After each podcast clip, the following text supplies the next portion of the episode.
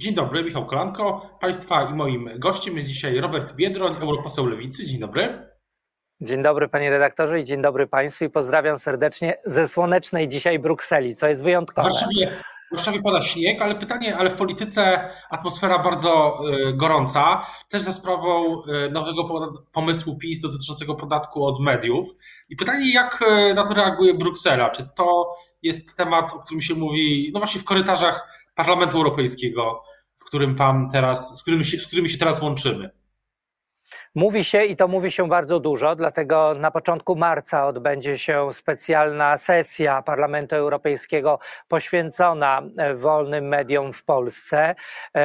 W tej sprawie zresztą, jak Państwo wiecie, zabierali głos już poszczególni komisarze i prawdopodobnie dojdzie do tego, i taki też będzie wniosek e, lewicy w Parlamencie Europejskim, żeby rozszerzyć procedurę praworządności e, nieprzestrzegania prawa przez polski rząd artykułu 7 Traktatu Unijnego o kwestię nie tylko e, dotyczącą systemu sądownictwa, ale także kwestię dotyczącą próby naruszenia e, niezależności mediów. I jeżeli ta procedura zostanie wszczęta wobec Polski, to e, polski rząd będzie miał kolejne problemy w instytucjach unijnych.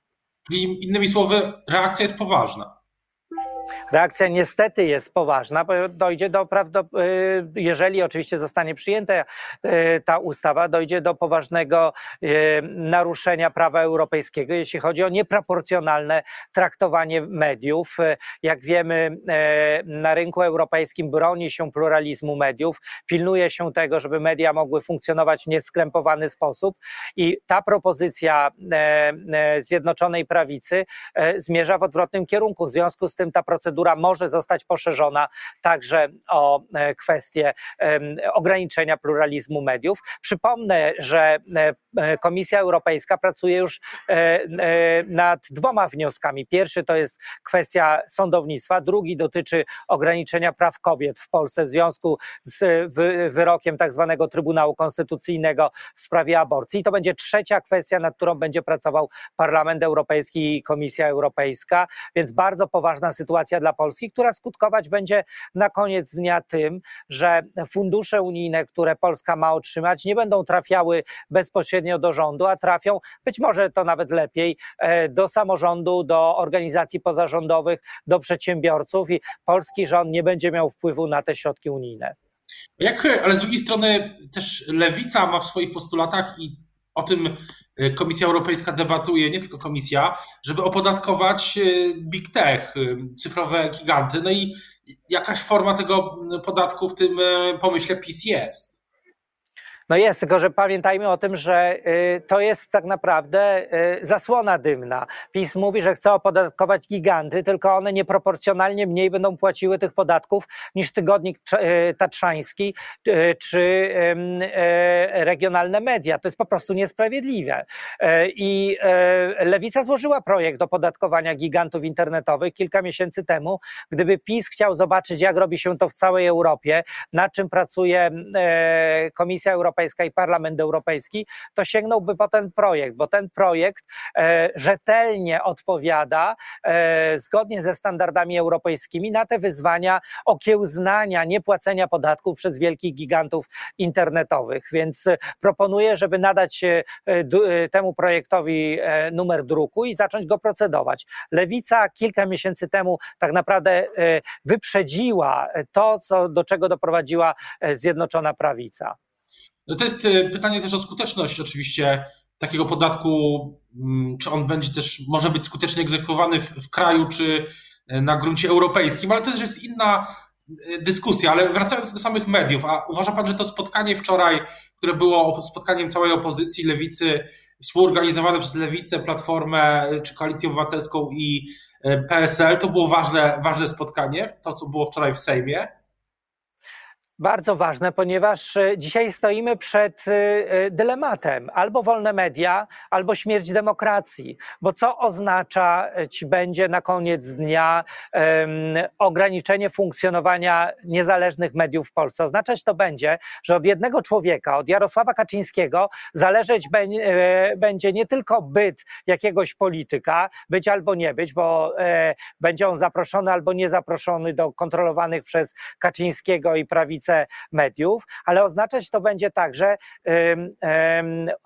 tak naprawdę utratę miejsc pracy dla wielu tysięcy ludzi w Polsce, którzy często nie pracują tylko w TVN-ie, w Polsacie, e, w Rzeczpospolitej, ale pracują w bardzo małych mediach, które ja jako były samorządowiec znam bardzo dobrze, które ledwo przędą, a jeżeli nie będą na usługach jednej, jedynej z partii rządzącej, to niestety będą musiały upaść.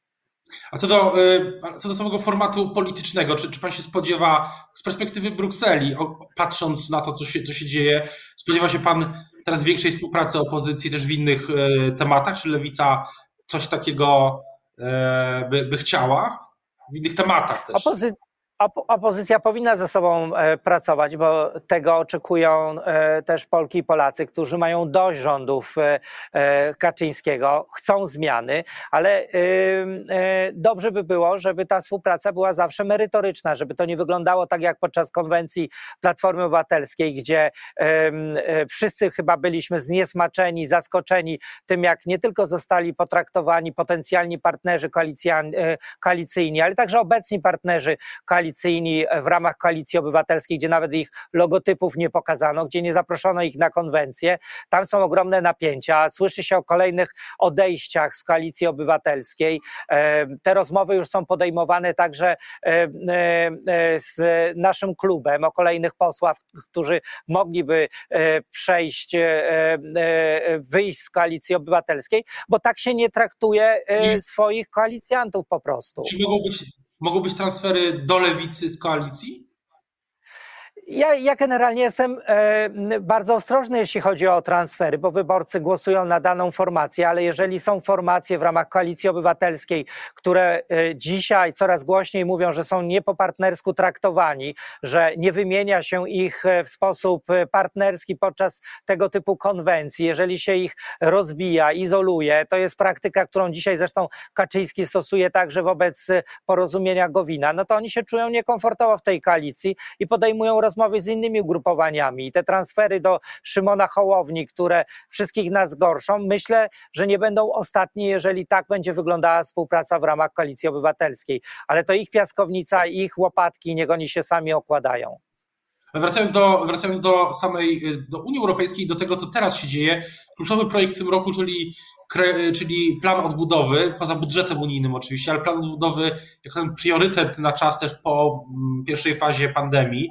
Jak pan e, sądzi, czy e, z tego, co mm, teraz słychać, z tego, co teraz widać, Polska będzie gotowa w ogóle na przyjęcie tych e, pieniędzy, też polskie firmy, instytucje, samorządy oczywiście?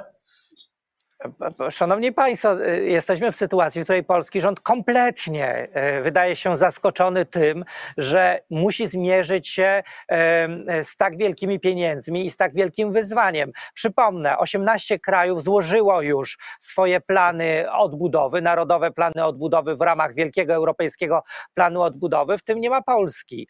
Zadziwiające jest to, że polska prawica, Kaczyński, Gowin, Ziobro mają czas, żeby nawzajem się tam okładać tymi łopatkami w piaskownicy, jak chłopcy w krótkich spodenkach, a nie mają czasu zatroszczyć się o nasze wspólne pieniądze. Przecież to jest kasa, której Polska szczególnie teraz w czasie pandemii potrzebuje.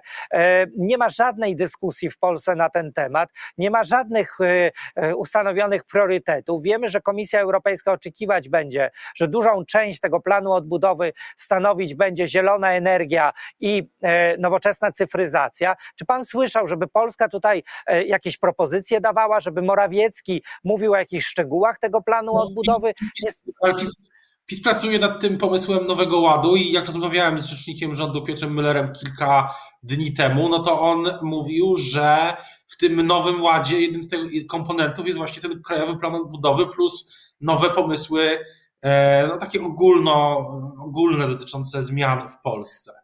Tylko, że nie, no właśnie, tylko, że nie dostaliśmy żadnych konkretów. Osiem, przypomnę jeszcze raz, 18 krajów złożyło swoje plany, e, narodowe plany.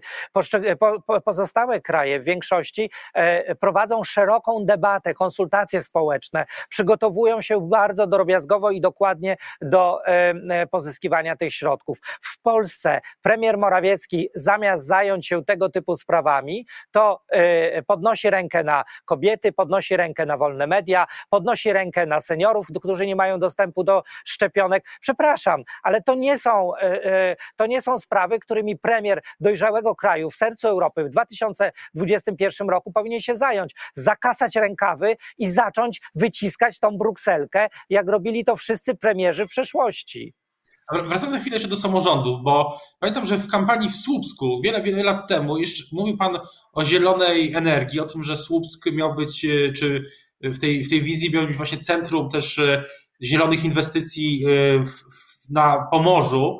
I pytanie, jak pan, czy pan sądzi, że samorządy właśnie, zwłaszcza średniej wielkości miasta, jak Słupsk, będą w stanie e, skorzystać z tej, tych priorytetów samej Unii, właśnie Green New Deal, cyfryzacja i zmiany te, tego typu? Czy, czy takie miasta jak Słupsk, z tego, czy miasta na Śląsku, no nie wiem, Dolnym Śląsku, Górnym Śląsku, czy na przykład na Podkarpaciu lub ścianie wschodniej w ogóle z tej zielonej transformacji skorzystają. Nie mają wyboru, panie redaktorze, ponieważ w Polsce każdego roku umiera z powodu smogu 45 tysięcy ludzi. 100 tysięcy ludzi każdego roku umiera w Polsce z powodu e, raka. To tak jakby z mapy naszego kraju znikało każdego roku miasto wielkości mniej więcej Częstochowy. Nie możemy sobie na to pozwolić i dlatego trzeba po pierwsze konsekwencji samorządowców, którzy tę konsekwencję już dzisiaj ujawniają. Słupsk jest oczywiście perełką, jest jednym z niewielu miast w Polsce, który, e, które nie ma problemu ze smogiem, ale ja chciałbym dożyć czasów, kiedy 30 e, z 50 miast na świecie, 30 miast najbardziej e, narażonych na smog to nie będą miasta polskie, a tak dzisiaj wygląda rzeczywistość. Jak do tego doprowadzić? No tu potrzebna jest konsekwencja polskiego rządu. Ja pamiętam, kiedy dwa lata temu na Torwarze, kiedy powstawała wiosna, powiedziałem, że trzeba odchodzić od węgla, to wszystkie partie polityczne od lewa do prawa wyśmiewały ten pomysł, nazywając go populistycznym. Dzisiaj okazuje się, że jest to standard, standard nie tylko europejski,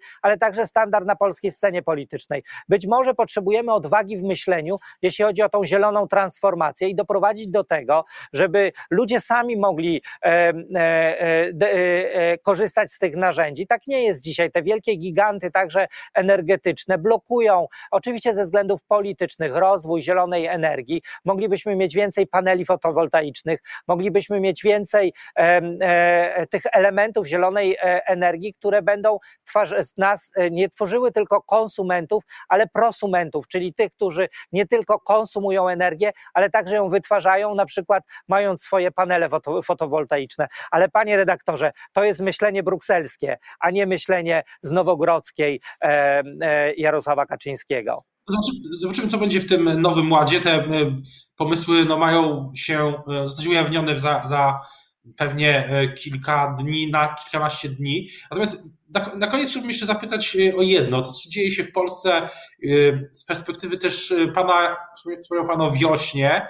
I teraz od, od kilku miesięcy mam wrażenie, że trwa taka rewolucja młodych po decyzji Trybunału Konstytucyjnego. A z, z drugiej strony pamiętam, jak e, wiele osób było młodych też na tej konwencji, na, na Torwarze, którą relacjonowałem. I pytanie tylko, czy, czy wiosna, lewica są w stanie politycznie, mówiąc już o polityce, zdyskontować tą rewolucję? Czy, czy w ogóle, e, a czy może powinny dyskontować tą rewolucję? Tak, szanowni Państwo, więc jeżeli czekacie na tą rewolucję, to zapraszam w najbliższą sobotę. To będzie konwencja całkowicie poświęcona przyszłości i młodym ludziom. Pokażemy, że można myśleć o Polsce w kategoriach całkiem innych niż dzisiaj myśli Hołownia, Koalicja Obywatelska, nie wspominając już o Zjednoczonej Prawicy. Pokażemy Polskę marzeń właśnie tych młodych ludzi i, e, i to nie tylko w kontekście tym, że 30% młodych ludzi e, chciałoby zagłosować na e, lewicę, ale przede wszystkim właśnie w kontekście tych wszystkich wyzwań, o których rozmawialiśmy przed sekundą, dotyczących klimatu, dotyczących równości, dotyczących dysproporcji ekonomicznych, dotyczących braku dostępu do dobrej szkoły, dobrego szpitala, e, dobre, dobrze zorganizowanego urzędu. O tym wszystkim będziemy opowiadali, budując tak naprawdę Polskę po Kaczyńskim, bo trzeba się zastanowić, co po czwartej RP. My uważamy, że po pierwsze da się zrobić to lepiej niż proponuje to, proponują to wszystkie inne ugrupowania, a po drugie nadszedł czas, żeby budować piątą RP. Piątą RP, która będzie e, kompletnie pokazywała inną perspektywę Polski, bo przypomnę, że to polska lewica zawsze wyznaczała takie cele, e, które były wielkimi krokami milowymi e, dla Polski. Konstytucja lewica, wejście do NATO lewica, wejście do Unii Europejskiej lewica. To są rzeczy, które. Wejście do NATO Unii to też była wspólna sprawa z tego co ale pamiętam. Wchodzi, ale, no dobrze, ale lewica, pamięta pan jak prawica straszyła, że jak wejdziemy do Unii Europejskiej, to będzie Sodoma i Gomora, Niemcy wykupią nasze, e, nasze ziemie, e, e, nie wiadomo co się tu w Polsce będzie działo, nie będzie polskości. Lewica twardo i wyraźnie mówiła, że naszą racją stanu jest bycie nie tylko w NATO, ale także w Unii Europejskiej. Dzisiaj mówimy, że naszą racją stanu jest uporządkowanie Polski po Kaczyńskim, ale nie byle jak w odważny, postępowy, nowoczesny sposób, który da nadzieję młodym ludziom na zostanie w Polsce, robienie karier, znalezienie dachu nad głową, y, dostęp do dobrego szpitala i dobrej szkoły. O tym, o konwencji lewicy 20 lutego w sobotę będziemy na pewno jeszcze wspominać, tak samo jak o Krajowym Planie Odbudowy oraz oczywiście o innych pomysłach które wokół tego z tym się wiążą. Teraz już bardzo dziękuję za rozmowę. Państwa i moim gościem na łączu z Brukselą był, był europoseł Lewicy Robert Biedron. Dziękuję bardzo. Wszystkiego dobrego, dużo zdrowia e, Państwu i Panu redaktorowi życzę. Dzięki, do widzenia.